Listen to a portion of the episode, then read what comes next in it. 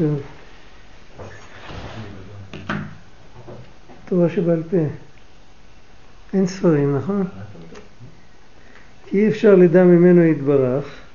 כאן זה קטע קצר שהוא מסכם את הכל. אנחנו הנבראים שלמטה לא יודעים ממנו יתברך כי אם על ידי היעדר הידיעה שקדמה לידיעה. מה זה היעדר הידיעה שקדמה לידיעה? הוא אומר בעוד שורה. שהם הקושיות הנ"ל, עכשיו הוא אומר מה זה היעדר הידיעה, שהם בחינת חלל הפנוי, בחינת הסתלקות הדעת. זאת אומרת, כדי שיהיה מציאות של נברא שיכול בכלל להבין משהו, ולה, ואיכשהו לפי ערכו לדעת משהו מהנוכחות של השם יתברך, מגדולת השם יתברך, הוא קודם כל הוא צריך להימצא, הוא צריך להיות. והוא צריך להרגיש את עצמו קיים. והוא צריך לתת איזה ערך לחוכמה שלו שמשיגה. כל זה לא שייך בכלל בלי הצמצום, בלי הצמצום של החלל הפנוי.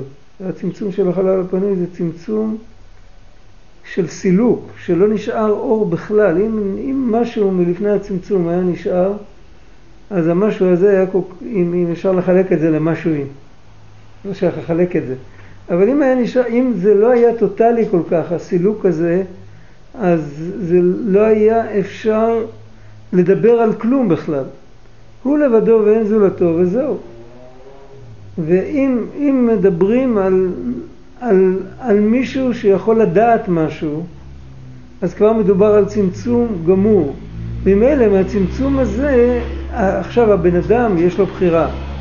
אם יש לו אמונה שהוא יודע שהוא, איך אנחנו אומרים בתפילה, אין ארוך לך ואין זולתך, ואין אה, אה, אה, מי ידמה לך ומי ישווה לך ומי יערוך לך, אז הוא מבין שזה לגיטימי שהוא לא מבין, אין, אין לו שום בעיה עם זה. אם הוא לא, אם הוא מחזיק מעצמו, הוא כאילו, הוא חכמולוג, הוא חכם, אז אם הוא לא מבין משהו, אז, אז איך היו אומרים פעם, היו אומרים, יש שני אנשים שלומדים לומדים ספר, לומדים ריטבו, לומדים רשבו, אני יודע, לומדים. שניהם לא מבינים. אחד מיד אומר שיש טעות בספר. השני אומר, אני לא זכיתי להבין דבריו הקדושים. אז אותו דבר כמו שזה בספר, אז זה יכול להיות ב, בכל דבר. יש אצל אחד שהוא כאילו, התפיסה שלו היא תפיסה כזאת שהאדם הוא על פיו אישה כל דבר, על פי השכל האנושי, אז ממילא אם הוא לא מבין משהו, אז יש לו קושיות. הוא דורש שיתרצו לו את הקושיות. אבל על מה מבוססים הקושיות שלו? שהמוח שלו זה הפלס של כל העולמות. כאילו, אם משהו לא מסתדר לו אצלו במוח, אז זה לא ייתכן בכלל, זה, זה לא נכון. והקושיות האלה באים מהחלל הפנוי. אם לא היה החלל הפנוי, לא היה יכול להיות קושיות כאלה. לא יכול להיות כלום, אבל בפרט קושיות כאלה לא היה. וזה זה החלל הפנוי, זה הסתלקות הדעת, למה הוא קורא עכשיו דעת? הוא לא מדבר עכשיו על איזה ספירה שקוראים לה דעת, או על איזה אור שקוראים לו דעת, אלא, יש לך ספר? לא, זה לקטעי הלכות. מה שהרגע אומר על סמך אה, ד' בסמך ד', הוא מדבר על סמך ד'. הוא מדבר על סמך ד'. שם רק הצדיק יכול להיות... כן, מדבר על שתי סוגי קושיות וזה, אבל פה הוא מדבר על ה... זה, זה הלכה ה' בסוף הלכה ה', קרוב לסוף הלכה ה', קרוב ל"ב, אה, זה תפילין, הלכות תפילין. יש לך? אה.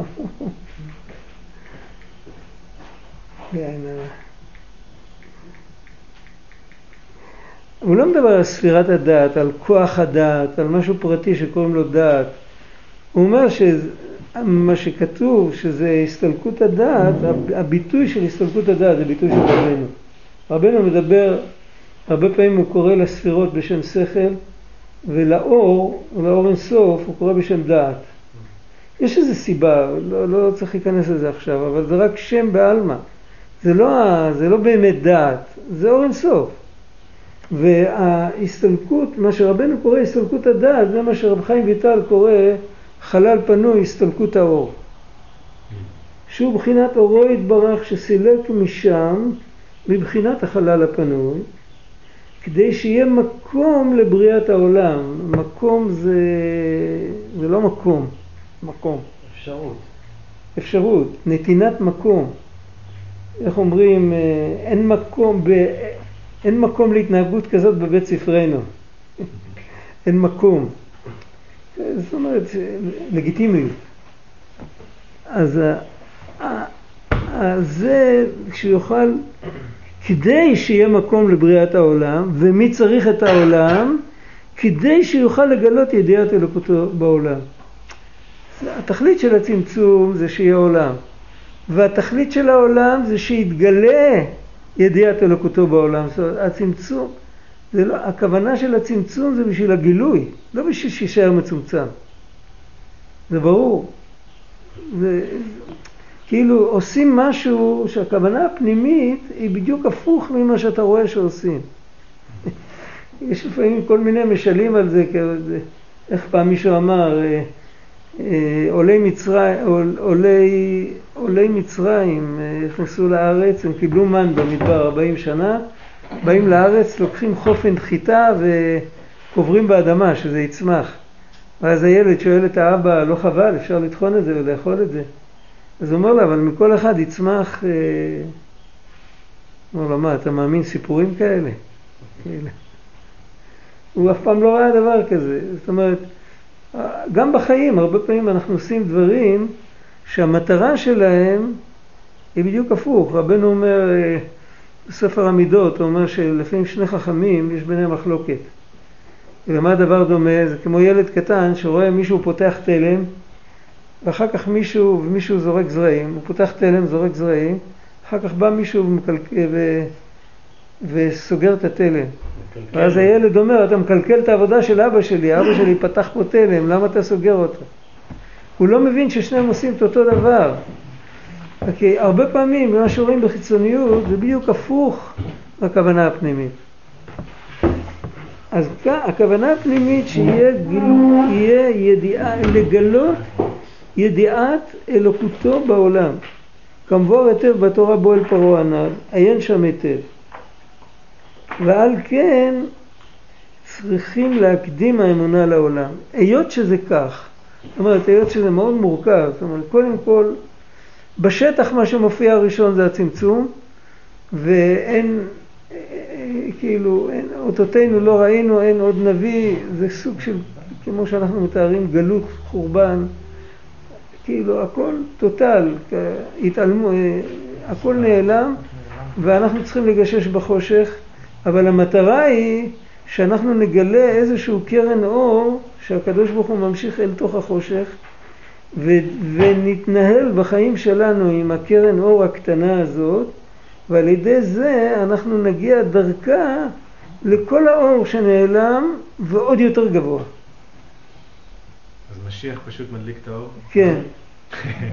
יותר גבוה, הקדוש ברוך הוא ממשיך קו, ועל ידי הקו אנחנו יכולים להשיג אותו ולקיים מצוות במינורי, כאילו, במיניאטורה. אבל על ידי זה נהיה גילוי אלוקות כזה גדול בלעתיד לבוא, ש, שזה הרבה יותר גבוה מאשר בראשית הבריאה.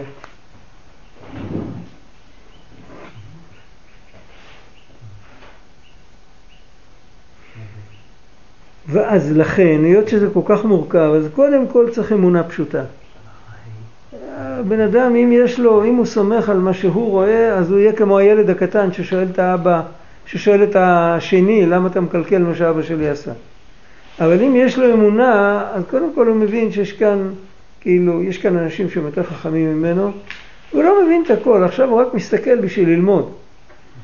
הוא לא מבין, מותר לו לשאול, יש דברים שיסבירו לו, יש דברים שלא יסבירו לו, אבל הוא לא, הוא לא מחליט עם השכל שלו לחלק ציונים לכולם. אז קודם כל זה האמונה. ומה זה האמונה? האמונה היא שאל אמונה ואין עוול, צדיק וישר הוא, ואפילו אם שיחט לו לא בניו מומם דור עיקש ופתלתול, זה הרי ההמשך. ו- ואני אמית ואחיה, מחצתי ואני ארפא, זה עוד ההמשך, המשך יותר מאוחר. אף על פי כן אנחנו מאמינים שאין אמונה ואין עוול, וכל מה שהקדוש ברוך הוא עושה זה לטובה. זו האמונה הראשונה. אז זה אותו דבר כשמסתכלים על ראשית הבריאה, למרות שיש צמצום כזה גדול, והעולם מתנהג בדרך הטבע, ואנשים הולכים אחרי אלילים מכל מיני סוגים, כל זה, אז קודם כל האמונה שומרת עלינו שנדע שהנושא בטיפול, כאילו, אנחנו לא אחראים על זה. הקדוש ברוך הוא מנהיג את העולם והוא יודע לאן שהוא מוביל אותו. אנחנו צריכים בדלת אמות שלנו, במה ששייך ל... מה זה דלת אמות? זה, זה מילימטר בקושי. כל מה ששייך לתחום של הבחירה האנושית, של התודעה האנושית, שם אנחנו צריכים להתנהל כמו שצריך. גם כל אחד לעצמו וגם כל אחד כמה שיכול לעזור לחברים שלו. אבל הבסיס של הכל זה לא שאנחנו הקובעים מה נכון ומה לא נכון ומה זה ומה... יש גם בשיחות הר"ן שיחה כזאת שלפעמים תלמיד שואל, רגע זה לא צודק, הוא רואה, או שהוא רואה משהו בתורה או שהוא רואה משהו בעולם והוא אומר זה לא צודק. אבל מנסים להסביר לו שזה כן צודק. אחר כך הוא גודל אז הוא רואה שהוא צדק ולא זה שניסה להסביר לו. במקום להסביר לו שזה צודק, צריך להסביר לו שאנחנו עם השכל שלנו, לא נתנו לנו את השכל שלנו בשביל לפסוק הלכה מה צודק ומה לא צודק. נתנו לנו את השכל בשביל להשתמש בו כדי לעשות את מה שהשם רוצה. אבל ללכת לבחון וכאילו ל, ל, להביע דעות וכל זה, זה לא, זה מעבר להשגה שלנו, זה מגיע ממקום שהוא כל כך אינסופי וכל כך טוטאלי וכל כך אמיתי. וגם הדיבורים האלה הם דיבורים של אחרי הצמצום כבר. לפני הצמצום כל הדיבורים האלה הם לא מתאימים.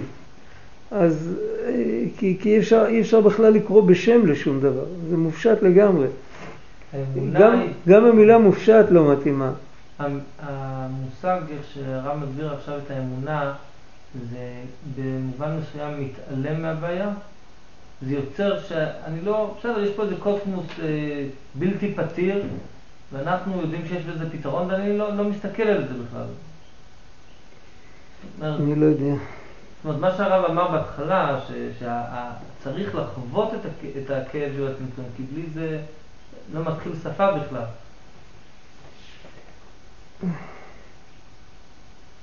אני לא יודע. על כן צריכים להקדים האמונה לעולם שהוא העיקר, שעל ידי זה משברים הקליפה הקודמת לפרי, שהוא בחינת חלל הפנוי, שקדם לעולם, כי על ידי האמונה עוברים על הכל, כנזכר לעיל. הרי להאמין אנחנו מאמינים בקדוש ברוך הוא. אנחנו לא משיגים אותו בכלל, וגם העולם הכי עליון לא יכול להשיג אותו. אבל היות שאנחנו נשמות, אז בני ישראל נקראים עבריים, הם עוברים על החלל הפנוי, ויש להם, היות שכל יהודי הוא חלק אלוקא ממעל, אז יש לו קשר עם הקדוש ברוך הוא, שדרך זה הוא יכול להיות קשור עם השם. לא משנה אם הוא כן משיג או לא משיג, הוא קשור עם הקדוש ברוך הוא בעצם מהותו. ומשם הוא מקבל את האמונה, וזה הדבר הראשון. גוי יכול להיות קשור לשם? באופן שלו. כל דבר, גם עלי על עץ קשור להשם. גוי קשור איך שגוי אמור להיות קשור, יהודי קשור איך שיהודי צריך להיות קשור. יהודי, היות שהוא חלק אלוקא ממעל, אז אם רק לא מפריעים לו ורק לא מבלבלים לו את המוח עם כל מיני דברים, אז, אה, אז, אז אה, באיזשהו מקום הוא אוהב לעשות מצוות, הוא אוהב לשמוע בקול השם, הוא לא יודע בדיוק שהוא אוהב, הוא לא מרגיש את זה, אבל זה, זה מושך אותו, זה העניין שלו. הוא נגיד, שמח. נגיד זה סתם משהו דמיוני שעכשיו אני רוצה כאילו לברר עם עצמי, אם לוקחים שני אנשים, אחד יהודי שהוא נולד לאבא ואמא יהודי. מגדלים אותם אותו דבר. כן, ועכשיו מתחילים לדבר אם זה מצוות, ואם זה לא מדבר, אם זה. מחלוקת רמב"ם ריאל. אה, אני לא יודע, אני לא יודע, אני לא יודע, אל תשאל אותי שאלות כאלה, אני לא יודע. אני יודע, אני מאמין באמונה שלמה שלא יידח ממנו נידח, ובסוף היהודי, אם הוא לא יעלה בגלגול הזה על הרכבת, אז הוא יעלה בגלגול אחר. הרכבת הזאת יש לה הרבה תחנות. ובכל תחנה שהיא יוצרת צריך לקפוץ עליה ולעלות ולא לחכות. אבל uh, מי, ש, מי שפספס, אז uh, תגיע עוד רכבת. מי ששייך לעניין הוא יגיע בסוף. איך, מה, אמרו, אני לא יודע. באמת, אני לא מבין בזה.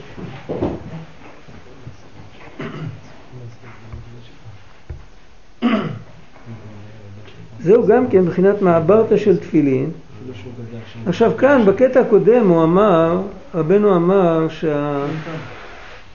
בקטע הקודם הוא אמר שזה הסוד של תפילין של רבנו תם. בעת שרבנו תם, ברבנו תם אז ה... והיה עם שמוע קודם לשמה, זאת אומרת שהגבורות קודמים לחסדים. זה מרמז על בתחילה עליו במחשבה לברוא את העולם במידת הדין. וזה מדבר על הצדיקים הגדולים שאותם השם מנהיג במידת הדין, יש להם כוח לעמוד בהיכל המלך, הביטוי שכתוב שם בתנ"ך, והם יכולים לעמוד במידת הדין, והם אלה שרבנו כותב עליהם בדורה ס"ד, שהם יכולים להיכנס ולתרץ את הקושיות שבא עם החלל הפנוי. כי החלל הפנוי זה שורש הדין, זה גילה שורש הדין, זה הלשון של רב חיים ויטל. אז ה... להיכנס לתוך החלל הפנוי ולמצוא משם את ה... למצוא שגם החלל הפנוי הוא כולו מלא אלוקות, זה רק מי ששייך לה, בתחילה עלה במחשבה לברוא את העולם במידת הדין, מי ששייך לעבודה הזאת, מי שיכול לעמוד במשימה לעבוד את השם במידת הדין, הוא יכול לעמוד שם. וכדי לקבל את הכוח הזה, כל יהודי צריך איכשהו את הכוח הזה בקטנה, כמו שאומרים, לא ב... אז כדי לקבל את הכוח הזה, אז אנחנו מניחים רבנותם. ברבנותם יש את הכוח של לעמוד בהיכל המלך, לעמוד במידת הדין. זה היה הקטע, זה, זה נגמר עניין אחד. עכשיו, לפי זה הוא מסביר, בכל תפילין, גם בתפילין של רש"י, יש עניין של מעברתא של תפילין. מה זה מעברתא של תפילין? המקום שהרצועה עוברת. רצועה זה גם עניין של מידת הדין. יש גם בלקוטי מהר"ן, הוא מדבר על זה. זה מבחינת מעברתא של תפילין, כי על ידי התפילין, שהם התחדשות המוחין שזוכין על ידי אמונה, זה תחילת ההלכה, הוא מדבר על זה שתפילין זה עבודה של התחדשות. הוא מדבר על השמונה זקנים בסיפורי מעשיות ביום הראשון של הזין בטלרס. אז יש שם...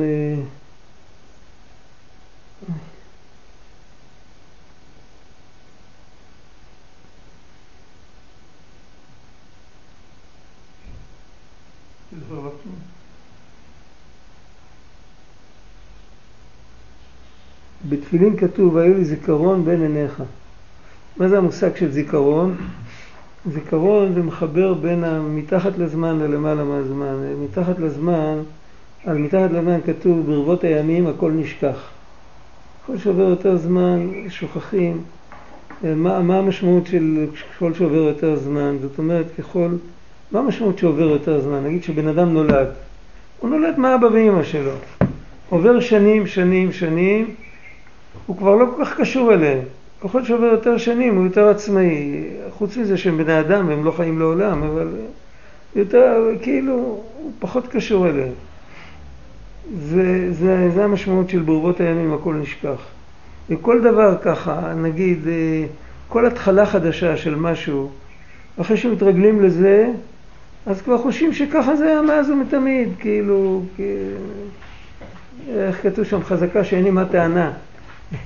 שלא אמר לי אדם דבר מעולם. זה מין אה, שקר כזה שנראה כמו אמת, וכאילו, אני, אני פה וזהו. מאיפה התחלת, מי נתן לך זכויות, איפה המסמכים, ו... אף אחד לא אמר לי אף פעם כלום. זה, אז זה, זה למטה מהזמן, ואם הולכים למטה מהזמן, הבן אדם בכלל לא מייחס את המציאות שלו את המציאות של עצמו, הוא לא מייחס לקדוש ברוך הוא, שוכח. על זה נאמר בפסוק, יישמר לך פן תשכח. זה שכחה, זה חשיכה, זה אותן אותיות. לעומת זאת, יש מישהו שהוא למעלה מהזמן, זאת אומרת שהוא הוא, הוא לא צריך אפילו, אצלו זה מובן מאליו, כמו שכולנו נהיה לעתיד לבוא, זה מובן מאליו שהקדוש שה... ברוך הוא זה הכל ואנחנו כולנו חוסים בצילו ואין אין דבר שחוץ ממנו יתברך. וזהו, אין, אין על מה לדבר כאילו. זהו, זה, זה הלמעלה מהזמן. ממילא לא שייך, אתה מסתכל על העולם, העולם כבר עולם זקן, הוא קיים כך וכך אלפים שנה. זה לא משנה, הוא הרגע נברא. זה כאילו, כשאתה מסתכל, וזה, על מי כתוב את זה בחז"ל? זה כתוב על רבי חנינא בן דוסה, שהוא אמר, מי שאמר לשמן וידלק, יאמר לחומץ וידלק. אם מסתכלים ברגע הראשון של הבריאה, אז אין הבדל בין שמן לחומץ. אותו דבר, אנחנו התרגלנו ששמן דולק, אז זה נראה לנו שאנחנו מבינים למה. חומץ לא דולק, אז גם נראה שמבינים למה. אין שום הסבר לזה, זה צמיג, זה, לא, זה הכל חוכמה שלאחר מעשה. אתה לא יכול באמת להסביר, אתה לא יכול להסביר שום דבר למה. אתה רק יכול להסביר איך זה עובד, אבל למה אתה לא יודע כלום.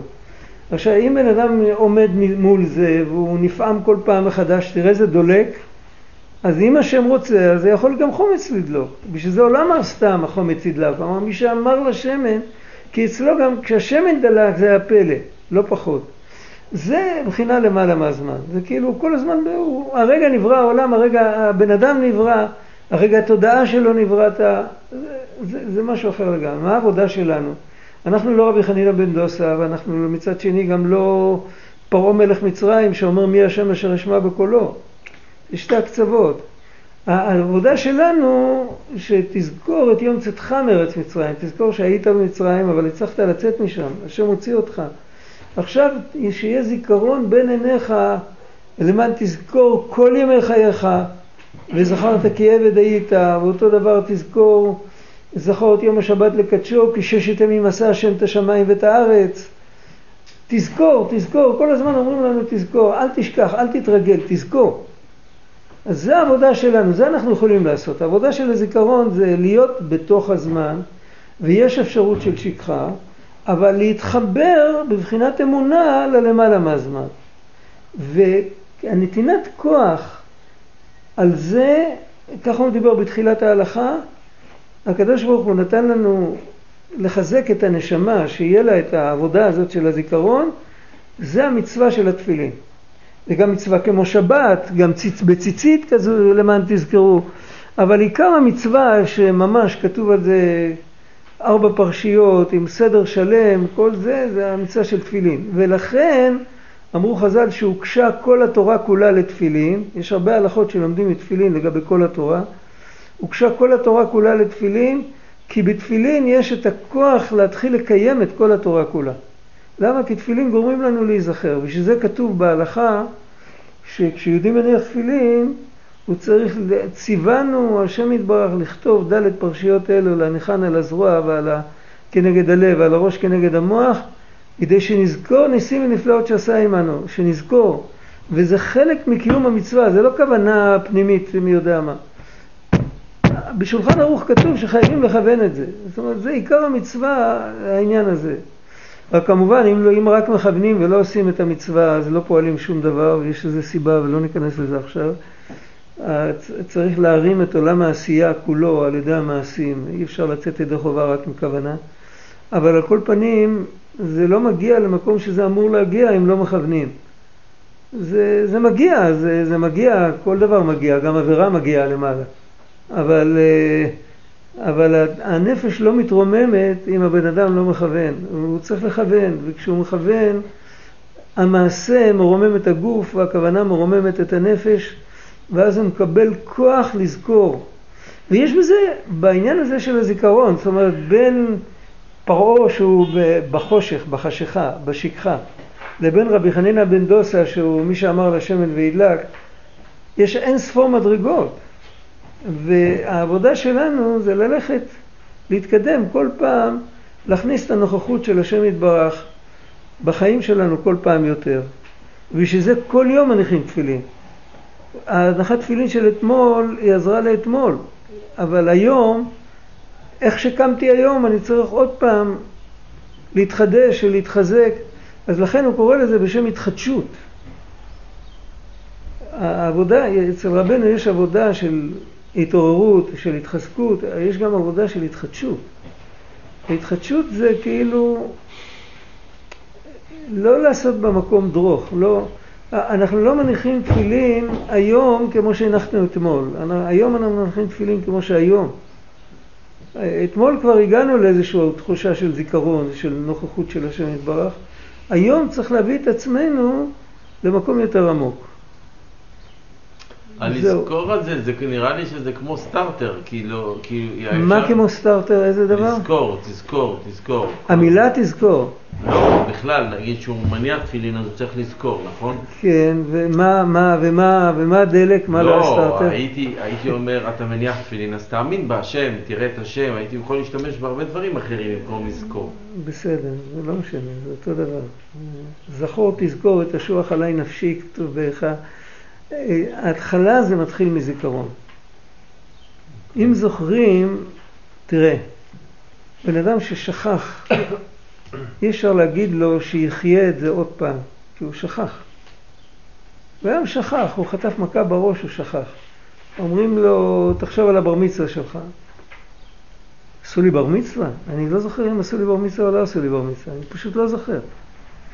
הבן אדם שזוכר, אז אפשר להגיד לו, תסגור את העיניים, תראה איך שהיה נראה, תיזכר בכל הפרטים, אולי תוכל להתחיל להרגיש איך שהרגשת.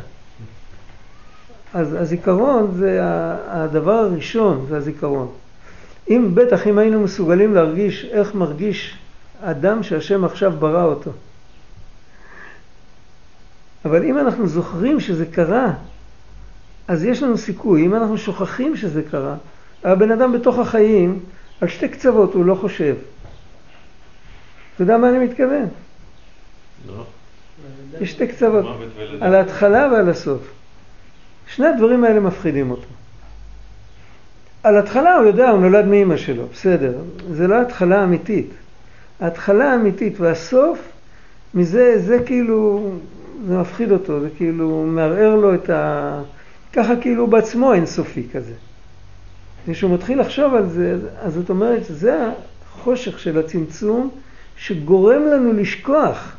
זה לא סתם שאנחנו שכחנים, זה המכה שאנחנו חוטפים כדי שנשכח. ועל ידי זה אנחנו יכולים, על ידי הזיכרון, אנחנו יכולים כאילו להגן על עצמנו מהמכה הזאת, ואז הדלת פתוחה, צריך רק ללחוץ על הידית ולהיכנס. וכל אחד איכשהו, אפילו אם ניקח למשל דוגמה, ניקח דוגמה של אה, מה שהזכרתי קודם.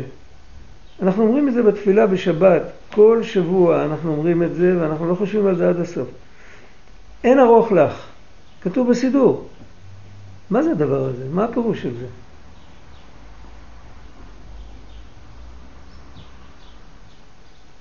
בעברית העתיקה שלנו, כשהיו מדברים על משהו שהוא באין ארוך, מה הכוונה?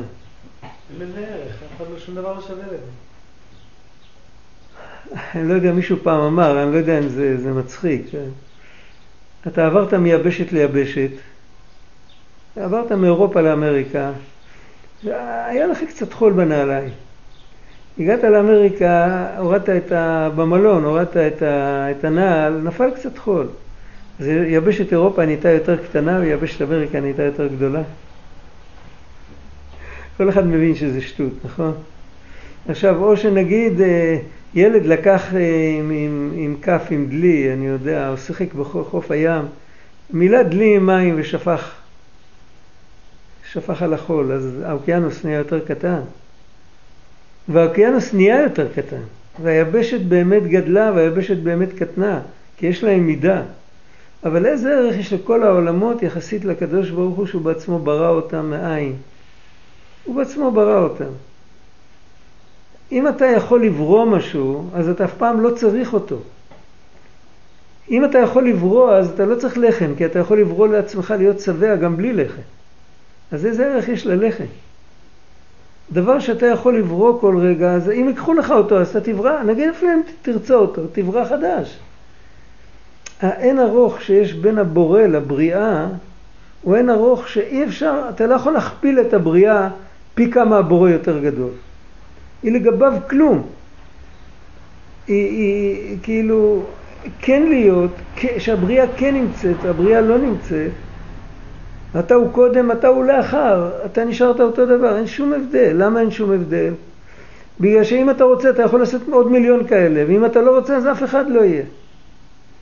עכשיו, אם אנחנו רגע אחד חושבים על זה, דבר אחד בטוח, להתגאות, אנחנו לא נתגאה. זה בטוח. ואפילו, לא רק שלא נתגאה, אפילו אחרי שנשכח את זה, אי אפשר לזכור את זה כל היום. אי אפשר לתפקד ככה כל היום. כל, במשך כל היום צריך להיות אכפת לך כל גרוש וכל בכי של ילד, ואתה לא יכול לחשוב ככה כל היום, אתה לא יכול לחיות ככה.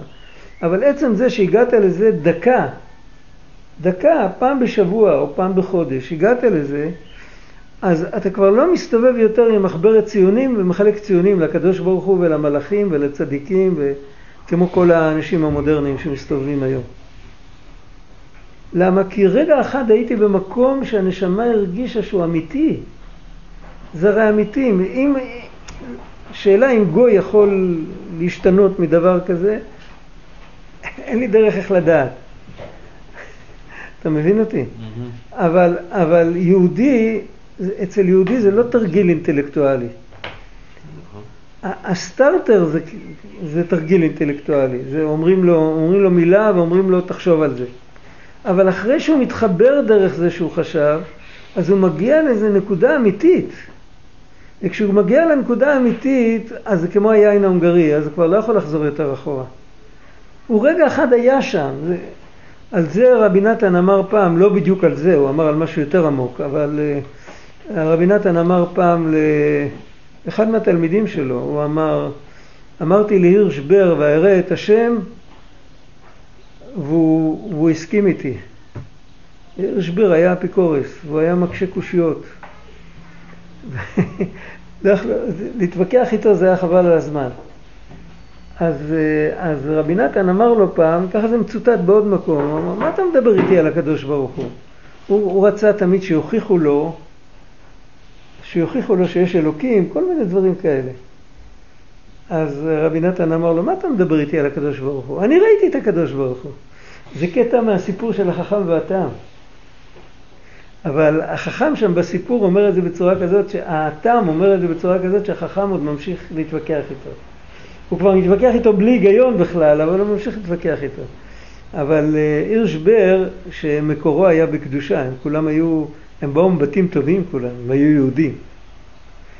אז הירשבר הזה, כשהוא שמע את האמירה, רבי נתן אמר את זה עם כזאת אמת, שהוא התבטל. הוא אמר, אוקיי, כאילו, אני סומך עליך, אתה, אתה, לא, אתה לא מדמיין ואתה לא משקר.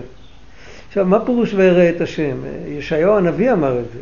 למה רבי נתן אמר וירא את השם? הכוונה היא שיש רגעים שהבן אדם, עם ההתערות הדלתתא שלו, יש כמה דקות שבן אדם מגיע ל... דיברנו על זה, על ראייה ושמיעה, דיברנו על זה. יש כמה דקות שבן אדם יכול להגיע לבהירות מוחלטת שהיא דומה לראייה וגם לוודאיות מוחלטת.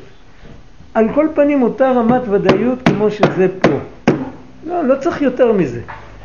אם הקדוש ברוך הוא יהיה בתודעה שלנו באותה רמת ודאיות כמו שזה פה, אם זה יהיה דקה אחת אפילו, אבל אותו דבר עם אותה אינטנסיביות, באותו אופן, לא נוכל לחזור יותר לאותן שטויות שחשבנו קודם.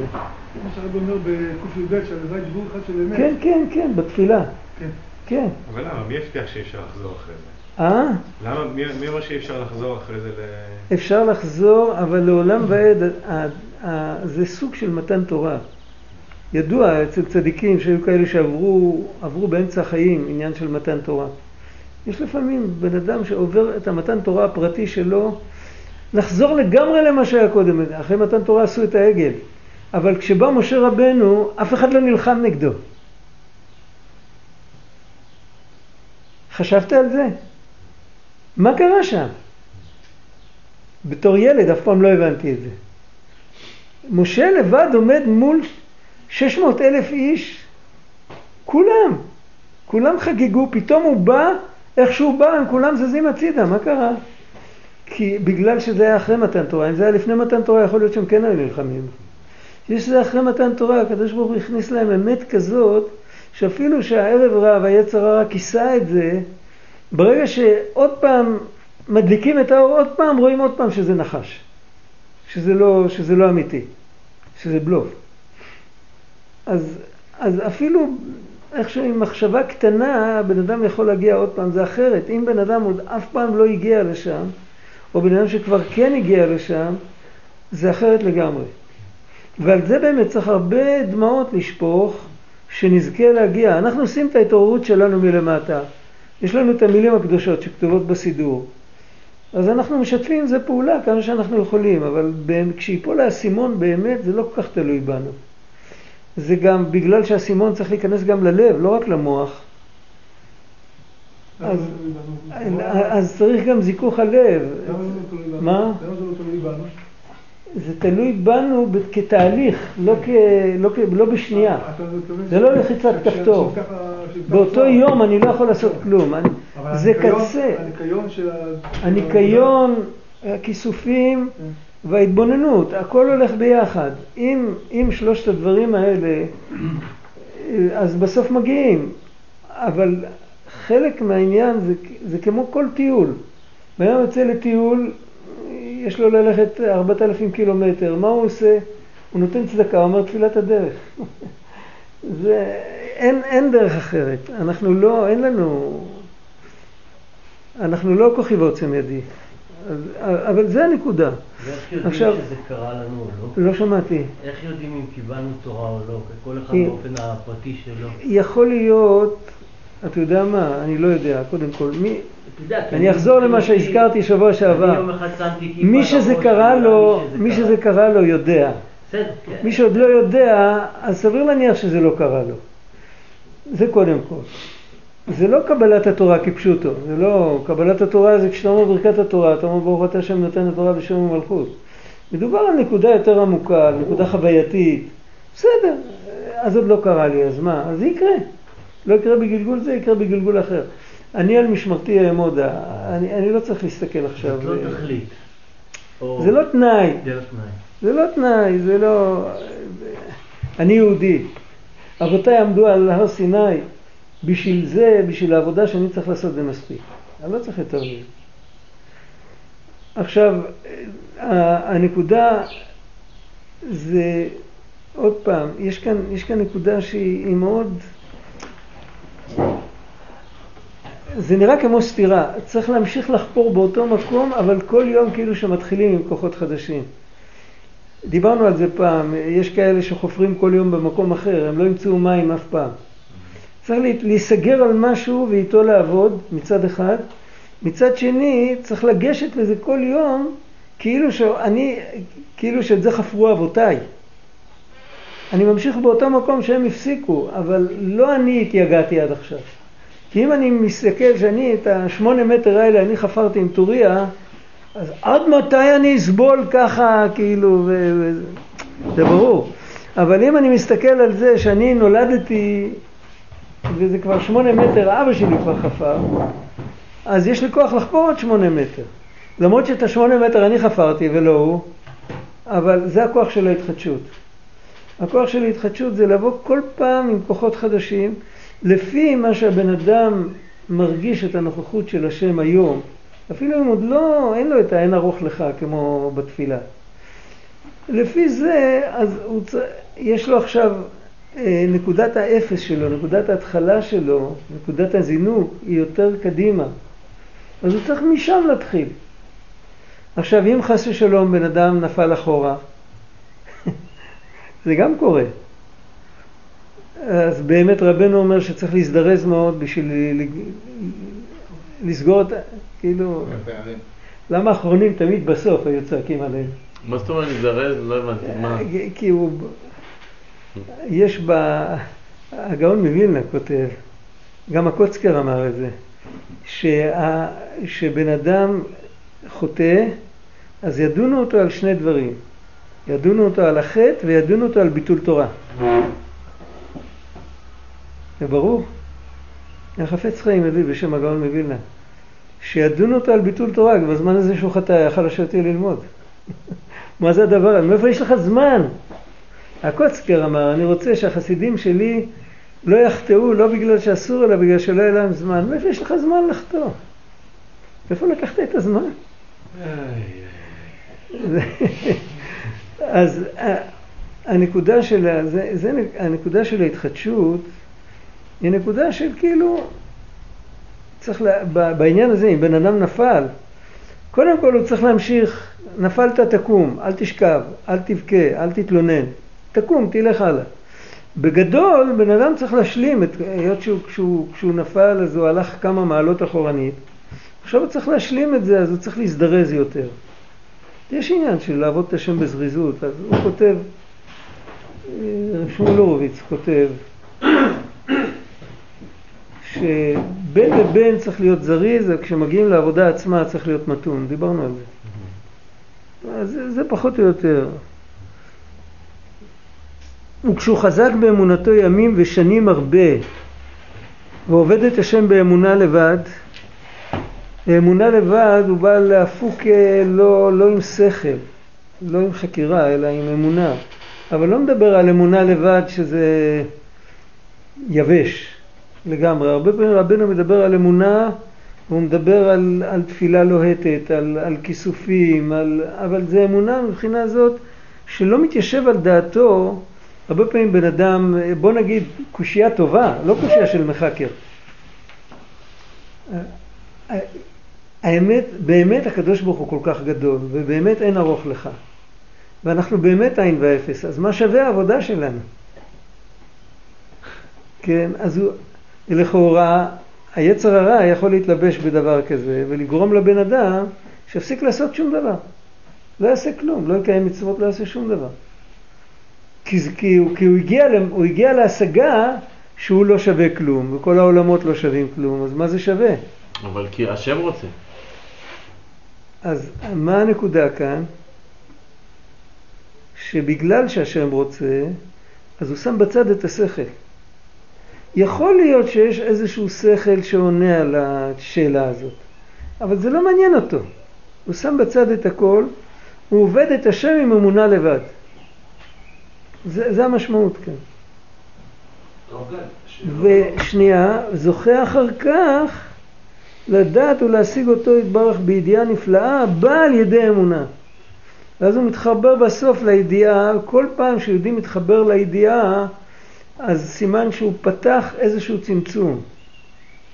האור שלפני צמצום, אני לא מהצמצום, כי יכול להיות מדובר על אלף מדרגות שונות, אבל כל פעם מה שלפני הצמצום רבנו קורא דעת, מה שאחרי הצמצום רבנו קורא אמונה.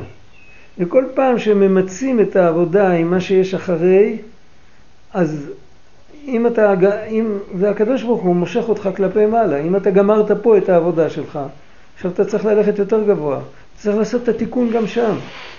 וגם שם יחסית לעולם יותר גבוה זה עדיין רק אמונה בלבד. מי, מי רצה להגיד משהו? שרבנו לא בליקוטי מאורן, כשמדבר על הצדיק, כשמאמינים בצדיק, בלי דעת, אפשר ליפול מזה. נכון, נכון, נכון, יש תורה קטנה. בדיוק אתמול חשבתי על זה. ואז משהו, משהו הפריע לי ולא הספקתי לחשוב עד הסוף. אה, מה שאני זוכר, מה שאנש אמרו, שהדעת שם בתורה הזאת זה ללמוד את התורה של הצדיק. אפילו אם בלימוד התורה של הצדיק הוא גם כן לא משיג מי יודע מה, רק בבחינת אמונה, אבל שלא יהיה לו צדיק שהוא רק מאמין שהוא צדיק והוא לא לומד, אין לו קשר של תורה עם הצדיק. אז זה נקרא, אם אני זוכר נכון, ככה הסבירו. אבל אה, לא יודע, יכול להיות שיש שם עוד דברים. לא יודע.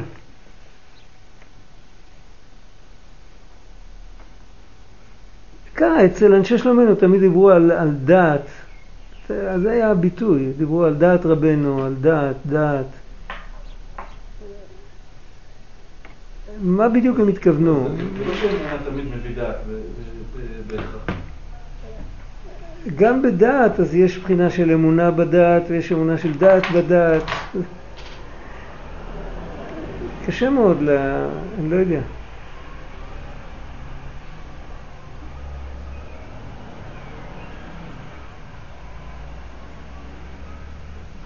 ועכשיו הוא מסביר מה זה נקרא ידיעה נפלאה הבאה על ידי האמונה בבחינת מטה ולא מטה. הדעת שהוא בבחינת מתי ולא מתי זה לגמרי לא כמו דעת שמשיגים דבר שנמצא בתוך העולם שהאדם נמצא. אם נגיד נשמה בגן עדן, יושבת בגן עדן עליון בעולם הבריאה והיא משיגה משהו, אז היא לא משיגה את זה במתי ולא מתי, היא משיגה את זה ממש. כמו שאנחנו פה מסוגלים להשיג ששתיים ושתיים זה ארבע. אבל אם נשמה אמורה לקבל, נהנים מזיו השכינה, וצדיקים יושבים בגן עדן ונהנים מזיו השכינה. זיו השכינה זה מלכות האצילות. ובאמת לא כתוב אור השכינה, אלא כתוב זיו השכינה, וזיו זה דרגה מצומצמת של אור, אבל על כל פנים, במהות זה שייך לעולם יותר גבוה. אז, אז זה כבר לא אותה השגה כמו שאם יצטרכו להשיג מה זה מלאך או מה זה היכל בעולם הבריאה. זה כבר אחרת, זה הרבה פחות, הרבה פחות מושג. כל שכן אם מדברים על, על נשמה שהיא בגוף, ונשמה שבגוף הרי יכולה בעצם, לא מצד הגוף, רק מצד הבחירה ומצד המעלה של תורה ומצוות, הנשמה בגוף יכולה להגיע למקום הכי גבוה מצד אחד, והכלים שלה הם הכלים הכי נמוכים מצד שני. אז מתי שמתגלה מה שמתגלה ונפתח לבן אדם, כמו שרבי נתן אז אמר, וירא את השם, אז, אז זה חייב להיות בבחינת מטה ולא מטה, זה צריך להיות נוגע ואינו נוגע, כי אם זה יהיה נוגע אז הוא יתבטל במציאות. הוא יסתלק, הוא יסתלק לגמרי, הוא יסתלק מהעולם הזה ומי יודע מה יישאר ממנו. למה? היה את הסיפור של הרב המקדש כן, כן, כן, הוא, הוא ממש הסתלק, הוא הסתלק מרצו בלי שור, כן, אבל זה אותו עניין. אנחנו לא יודעים, אצלו זה היה, רבנו אומר שם בפי שניים ברוחך, שאם לא מגיע הזמן להסתלק, אז להפך, אז הבן אדם מקבל יותר כוח. אז אצלו כנראה הוא לא חטא ברצו בלי שור. הוא בטוח היה, היה מכוון, וכנראה הוא ידע שזה הזמן שלו. אז, אז הוא הרשה לעצמו.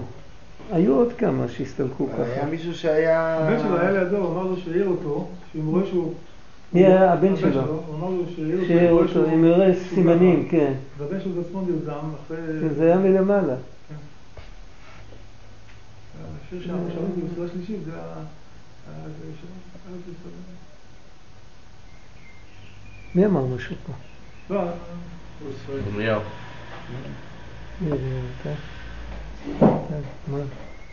אליהו? לא, לא אמרתי משהו. תגיד. אוקיי. לא, לא, בסדר, הוא גמר להגיד היום. שזהו בחינת לחזות בנועם השם ולבקר בהיכלו. זה, זה הרמז למדתי ולא מתי. נוגע ואינו נוגע. שביקש דוד המלך עליו השלום, הוא גם לא אומר לראות, הוא אומר לחזות. זה גם רמז על... זה, לחזות זה התרגום של המילה לראות. תמיד תרגום זה דרגה יותר נמוכה. כמו שכתוב, אחת שאלתי מאת השם, שביקש דוד המלך עליו השלום כל ימיו, כמו שכתוב, אחת שאלתי מאת השם אותה אבקש. זה מה שכתוב שם בקי"ב. זה כתוב פה בפסוק, שהמבין המשכיל כל ימיו, יש לו, צריך להתפלל כל ימיו, שיזכה פעם אחת להגיד כמה, כמה מילים באמת. ועל כן עיקר תקוותנו עכשיו לצאת מהגלות המר הזה, ולבטל קישוי ההולדה של הגאולה שמתגבר עכשיו מאוד בכלליות ישראל. יש עניין שהגאולה רוצה להגיע ואנחנו נמצאים באמצע סיטואציה של, של קושי לידה. מרבי נתן עד היום זה... רבי נתן נפטר בתר"ה. כמה שנים יש? 95 שנה תש ועוד... אה, כן. סדר גודל של 170-180 שנה. מה עברנו גם? וזה, ובפרטיות אצל כל אחד ואחד יש את הקישוי הולדה שרוצה לכנוס בדרך הקודש. אז עיקר תקוותנו הוא על ידי כוח הצדיקים הנ"ל שהם במיוחד נשתלו בעולם שהם יוכלו לטפל בצד השמאל, בחושך. ב- לראות איך שזה לא חושך. זאת אומרת, צריך להבין את זה. יש איזה כמה משלים לעניין הזה, כמה משלים בגשמיות, משלים ברוחניות, אבל קודם כל צריך להגיד את הנמשל, את הדבר בעצמו. זה שהצדיק שהוא יכול להיות אחד בדור או אחד בכמה דורות. הוא מצידו, עליו אין צמצום בכלל. זה לא אומר שהוא משיג את האור שלפני הצמצום, יכול להיות שבגוף הוא לא יכול להשיג את האור שלפני הצמצום, אבל הוא יכול לחיות את הצמצום ואת החושך ולא להתפעל מזה בכלל, זה כאילו, מה, אני לא מאלה שאומרים שמי שברא אור לא ברא חושך, נכון? אז זה, זה כאילו, זה כאילו שתי ידיים של הקדוש ברוך הוא, אז יש, יש גילוי כזה ויש גילוי כזה, הכל, את הכל עשה יפה בעיתו, עת לחבק, עת לרחוק מחבק, יש את, את, אה, איך כתוב שם, עת לנטוע, עת לעקור. מלכתחילה, אין לו שום, הוא לא צריך הסברים על זה, הוא חי את זה לגמרי, זה קודש קודשים, החושך הגדול והאור הגדול זה אותו קדושה. בגלל שיש צדיק כזה, ולמרות שזה לגמרי למעלה מההשגה שלנו, אבל היות שכל בני ישראל הם גוף אחד, אז בגלל שיש נקודה כזאת בפנימיות, אז כל אחד, כל אחד במקום שלו, יש לו איזה סיכוי לשרוד את החושך הזה בחיצוניות, באופן שלו. ועל זה יש הרבה דוגמאות. יש... אה, הדוגמה שאתה נתת קודם, שאלת אם יהודי וגוי, שניהם יגדלו באותם תנאים. אפרים שאל שאלה, אני לא ידעתי לענות לו. זה שאני לא יודע מה לענות לו. איך, איך הם יגיבו, ל, ל, אם ידברו איתם דיבורים כאלה, איך הם יגיבו שניהם, איך יגיב הגוי, איך יגיב היהודי. אבל יש סיכוי שהיהודי יגיב אחרת, למה? כי בעצם בפנימיות שלו, בגלל שהוא חלק אלוקה, אז גם, למרות שזה נעלם לגמרי, אבל משהו בחיצוניות הוא שונה בגלל שהנקודה הפנימית היא אחרת. יש איזה משל, אני ראיתי בספרים שכתוב משל בגשמיות על הדבר הזה, כמה פעמים דיברנו על זה, במקום שמי תהום הם גבוהים, גבוהים יחסית, לא שהאדמה למעלה רטובה, האדמה למעלה יבשה לגמרי. אה, אה, יכול להיות 100 מטר של אדמה יבשה לגמרי, מתחת לזה יש מאגר מים. ובמקום אחר יש נגיד 400 מטר של אדמה יבשה ולמטה יש מאגר מים. אז באמצע זה יבש לגמרי. אף על פי כן, כשיורד גשם, אז איפה שהמי תהום יותר גבוהים, האדמה אה, מתייבשת יותר לאט. יש שם איזה מיני אקלים כזה של, שמחזיק את הרטיבות יותר זמן. למרות שאין קשר, באמצע יש שכבה יבשה לגמרי. אבל זה, זה משל שהקדוש ברוך הוא השאיר לנו בגשמיות של העולם, בשביל להבין, בנפש יש גם, יש נקודה שזה כמו מי תהום, משהו עמוק. ויש את השכל, את ההכרה, את כל הדברים הגלויים. באמצע יכול להיות, ככל שהמרחק הוא, הוא יותר קצר, אם הבן אדם יותר מזוכח, אז זה, ו, ואם בכלל חסר לו את הנקודה, אז חסר לו, אם הוא לא יהודי, אז... אני שאלתי את זה כי נסעתי יום פעם אחת לאומן וישב לידי איזה סיני והוא היה עובד פה והתחיל לדבר איתי והוא התחיל לשאול אותי אומן, אז הסתבכתי עם עצמי, אמרתי לו עכשיו אני צריך להסביר לו מי. בשביל מה הוא נסע לאומן? למה הוא נסע? לא, הוא לא נסע הוא נסע לקייב. הוא נסע, לא יודע לאיפה הוא נסע. הוא נסע לטיסת ביניים כנראה, כן, להגיע לארץ שלו. כן, אז הוא התחיל לתחקר אותי, ואז אז אמרתי, כאילו עכשיו אני מתחיל לדבר עם הסיני הזה, ולפני כן הייתי מדבר עם איזה חילוני אחד, ואז ראיתי שאני יותר, מה שאני אומר זה יותר נתפס אצלו מאשר הסתבכתי איתו על זה. אה, לא, לא, זה, זה פשוט, כי התרבות שלו היא פחות חומרית, חומרנית, אז, אז הוא יותר, עד גבול מסוים הוא יכול לקבל דיבורים רוחניים יותר בקלות. אבל מעבר לגבול הזה, אז אתה תראה שזה בסוף, זה לא אותו דבר.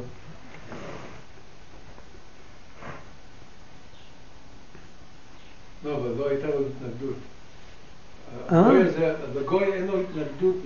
אין התנגדות, אבל, אבל גם אין, אין את ה... אתה לא כן. תגיע בסוף לאף מקום. נכון, בדיוק, אבל זה לא, בדיוק, זה, המילים שחיפשתי, כאילו לא מצאתי אותם. הוא לא נלחם, אין, כן. אין לו סיבה. אז הוא קולט אה, מילה במילה, כן, זה לא כן. על כן, שהם, הצדיקים האלה, הם בחינת המוחין של תפילין דרבנותם. זה אותו עניין, זאת אומרת, יש צדיקים שהעבודה שלהם דומים לתפילין של רש"י, ויש צדיקים שהעבודה שלהם דומים ל... השיתוף הוא ממידת הרחמים, זה כמו התפילין של רש"י. אבל בתחילה עליו המחשבה לברוא את העולם במידת הדין, ו- ולהכיר שגם מידת הדין זה מחשבתו של הקדוש ברוך הוא, זה העבודה של רבנו תם, של התפילין של רבנו תם. ואם באמת מניחים את התפילין של רבנו תם, מקבלים את הכוח הזה גם כן. שהם מוחים גדולים ביותר כנ"ל, על כן צריכים עכשיו להיזהר ביותר להניח תפילין ברבנו תם, כנזכר לעיל. כדי לקרב הגאולה בכלל ובפרט במהרה בימינו. שיזכה כל אחד לגאולת נפשו אז קודם כל לגאולה בכלל הוא לא צריך להסביר וזה הוא מסביר בסוף, הוא מזכיר שעל ידי זה נזכה לגאולה שלמה אבל בעיקר הוא מסביר מה זה הגאולה הפרטית. להוציאה מהגלות המר של אבלי העולם הזה שנלכד בהם כל אחד לפי בחינתו. והמציאות היום של הגלות זה צריכים לסבול חבלי לידה ממש ולסבול קישוי הולדה ממש.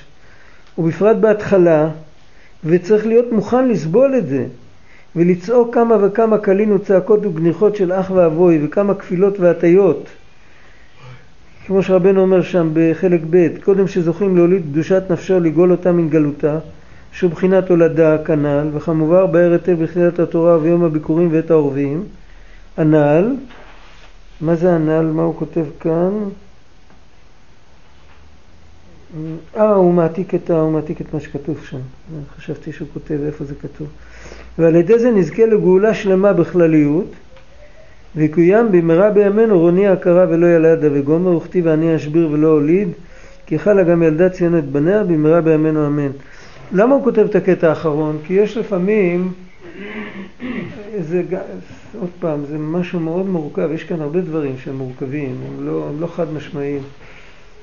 אנחנו יודעים שיהודי צריך לעבוד את השם עם יישוב הדעת, ולא עם ריבוי אור. ויישוב הדעת זה אומר מתינות, זה אומר רוגע, זה אומר אה, להיות בן אדם. איך אמר לי פעם אחד מהגדולים, אמר לי, לפני שאתה רוצה להיות מלאך תהיה קודם בן אדם. היה יהודי כזה, יהודי של רבנו, עם הרבה, עם הרבה ייחוס גם. זה צד אחד של התמונה. צד שני של התמונה, אה, רב שמואל שפירא אמר פעם, אה, מי שעוד, מי שעוד אה, נלחם בתפילה שלו, אז עוד יש לו סיכוי. מי שכבר הפסיק להילחם, אז זה כבר כאילו רחמנות עליו. היצרה שלו ישן. אין לו עבודה. צריך להילחם וצריך להיות במתינות וביישוב הדעת. האמת שזה לא סתירה.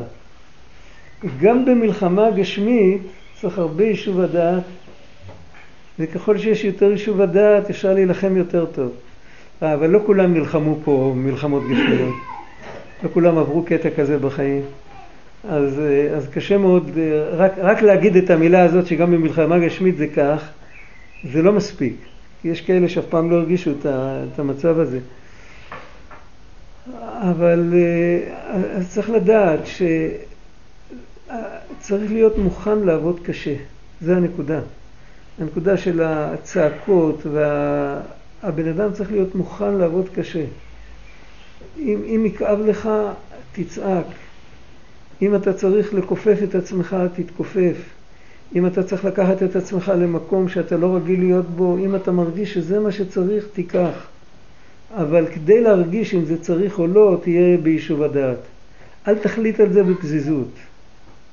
אם בן אדם מחליט בפזיזות, אם הוא צועק אה, כי כואב לו השיניים, זה לא, זה לא הצעקה הזאת.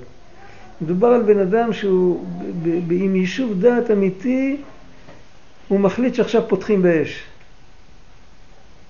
שהנקודה הזאת שהוא רואה שם זה לא חתול. וזה גם לא קסדה שתלויה על רובה בשביל להטעות אותו, או בשביל לגלות איפה הוא נמצא. גם זה קיים.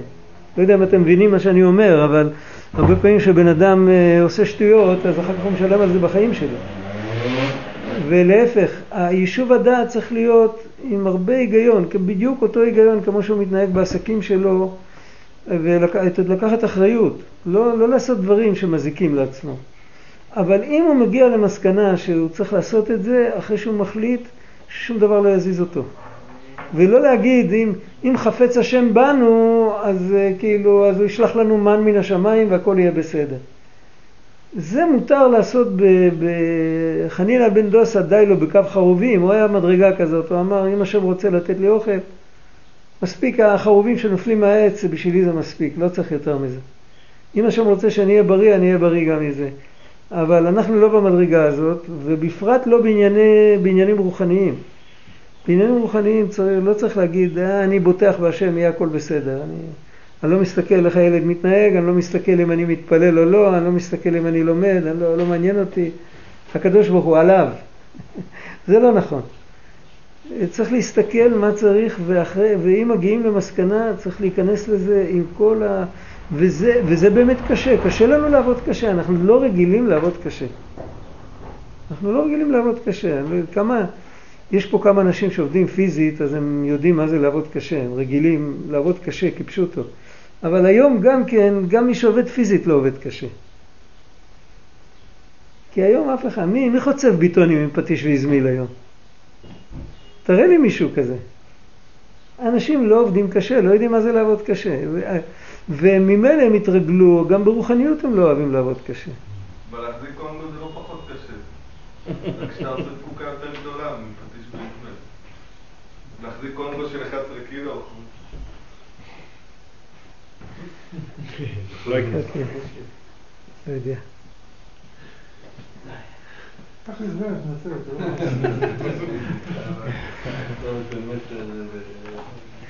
בשביל זה רבי נתן מכניס כאן את הכפילות וההטיות ואת כל הזה, לכאורה זה לא שייך לעניין כל כך. זה מתורה אחרת, זה לא התורה שעליה ההלכה מבוססת, זה כאילו, זה כאילו קטע בסוגריים. אבל הוא אומר, זה נכון, נותנים כוחות מלמעלה, מניחים רבנותם, יש, יש הרבה, יש צדיקים שעושים, הולכים בדרך הזאת של מידת הדין.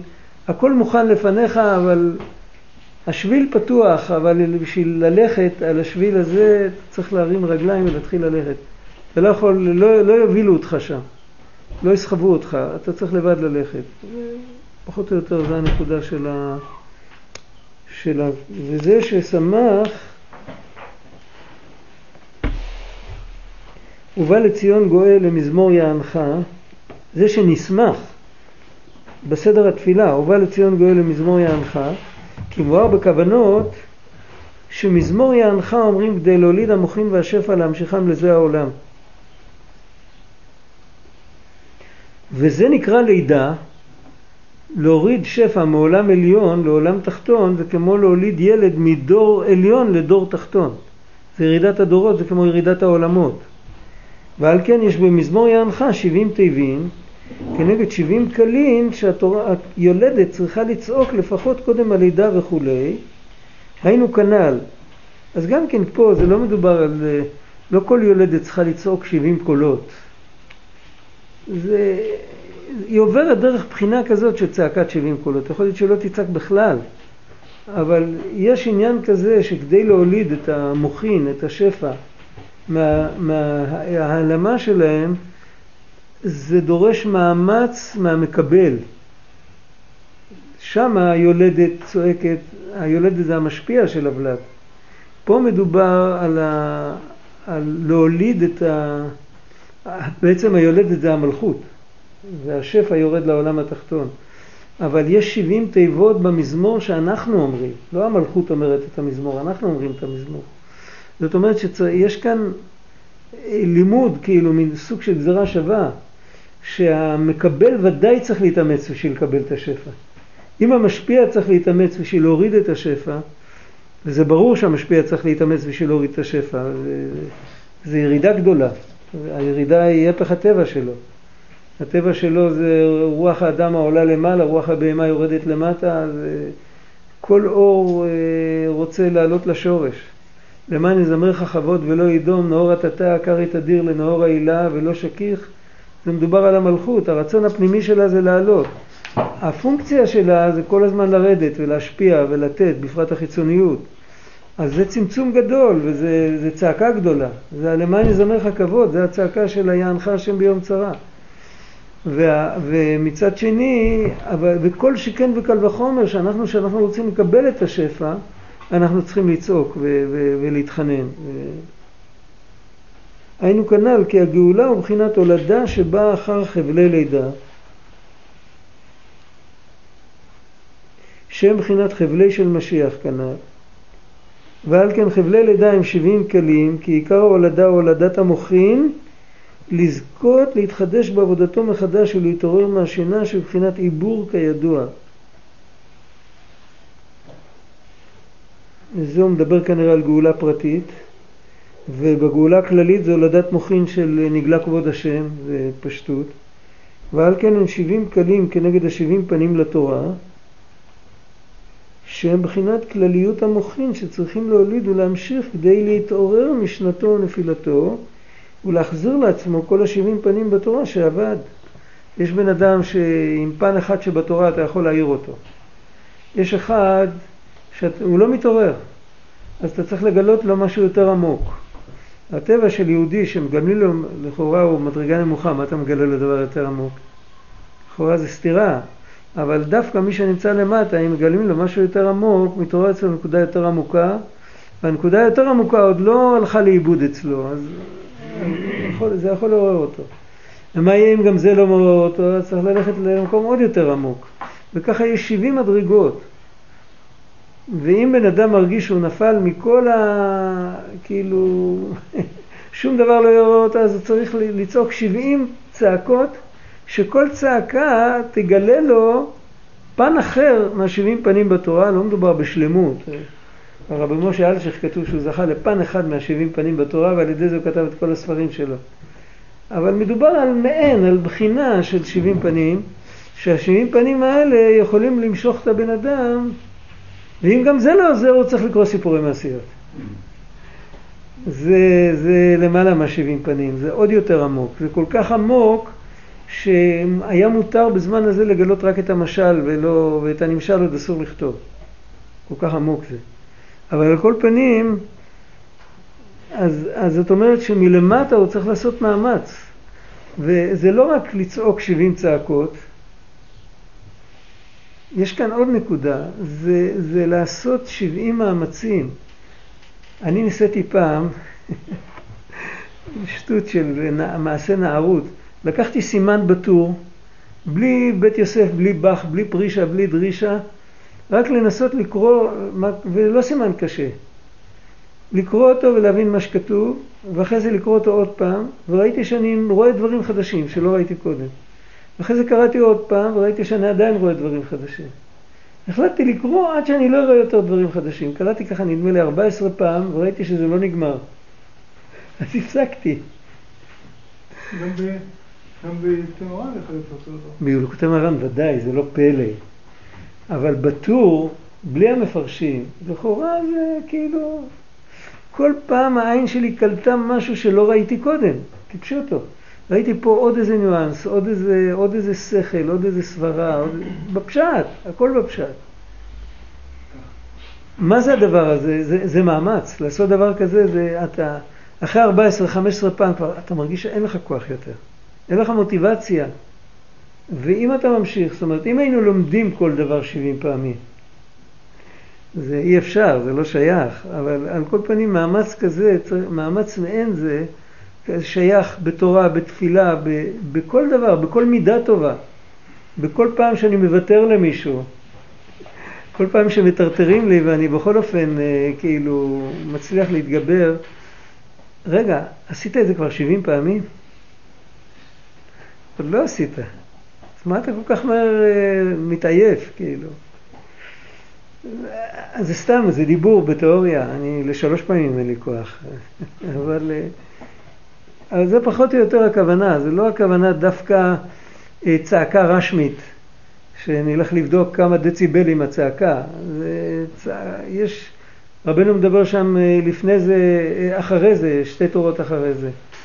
שיש מצבים שרק צעקת הזה, הלב עוזרת, אפילו גניחות של אוי גם לא עוזרים, אבל הכל נקרא צעקה. גם לצעקת הלב הוא קורא צעקה. כי זה מושג, זה לא רק טכני. יש מושג כזה של... למה, למה זה... ויצעקו אל השם בצר להם. מה? למה זה מפריע לקרוא את מה שכתוב אם, אם מיליון כל, פעם. אם, אתה, אם כל פעם אתה מגלה משהו חדש ואתה רוצה לקרוא את כן, זה, זה אבל גם כי, פה כי משהו יש חדש. יצר הרע גדול לה- להמשיך לקרוא דברים חדשים ולהספיק. בסדר, אבל ו- אתה מגלה פה משהו חדש. בסדר, אבל פה שם אני מגלה הכל חדש, ופה אני בקושי עד שאני מוצא משהו, זה, זה לא נותן לי. זה יצר הרע גדול. ו... מצד שני גם אני לא יודע אם זה נכון לעשות את זה, כי צריך להתקדם. יהודי צריך ללמוד את כל התורה כולה, אבל לא צריך לשבת כל החיים שלו על אותם כמה שורות. הוא כבר הבין את זה. עשיתי את זה רק בתור ניסיון. לא, לא, סתם שאלתי באופן כללי. לא, זה, כן. זה לא חייב להיות לשבת עם סימן בטור וללמוד אותו 70 פעם. אבל זה יכול להיות, הרי 70 פעם אנחנו אמרנו אשר ישב בביתך. אבל אם היינו אומרים 70 פעם אשר ישב בביתך עם פירוש, עם פירוש המילים, אז באמת היינו, יכול להיות שהיינו היינו מקבלים שם משהו אחר לגמרי. רק מתוך כל הפעמים שאומרים אשר ישב בביתך, מדי פעם שמים לב לכמה מילים.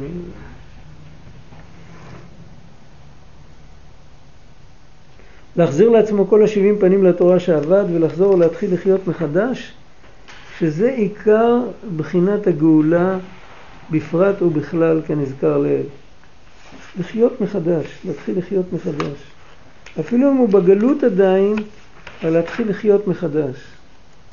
בחינת ובא לציון גואל ולשווי פשע ביעקב ולשווי פשע דווקא. שהם בעלי התשובה המחדשים ימיהם שעברו בחושך. שהוא בחינת התחדשות החיות, בחינת השבנו השם אליך ונשובה, חדש ימינו כקדם, הכקדם זה לפני שהנשמה ירדה לעולם הזה, לפני שהתחלתי לחטוא. ועל כן אחר מזמור יענך, שהוא בחינת חבלי לידה, אומרים מובא לציון גואל כנ"ל במהרה בימינו אמן. זה הנקודה, הנקודה שצריך להתחדש. טוב, השם יזכנו.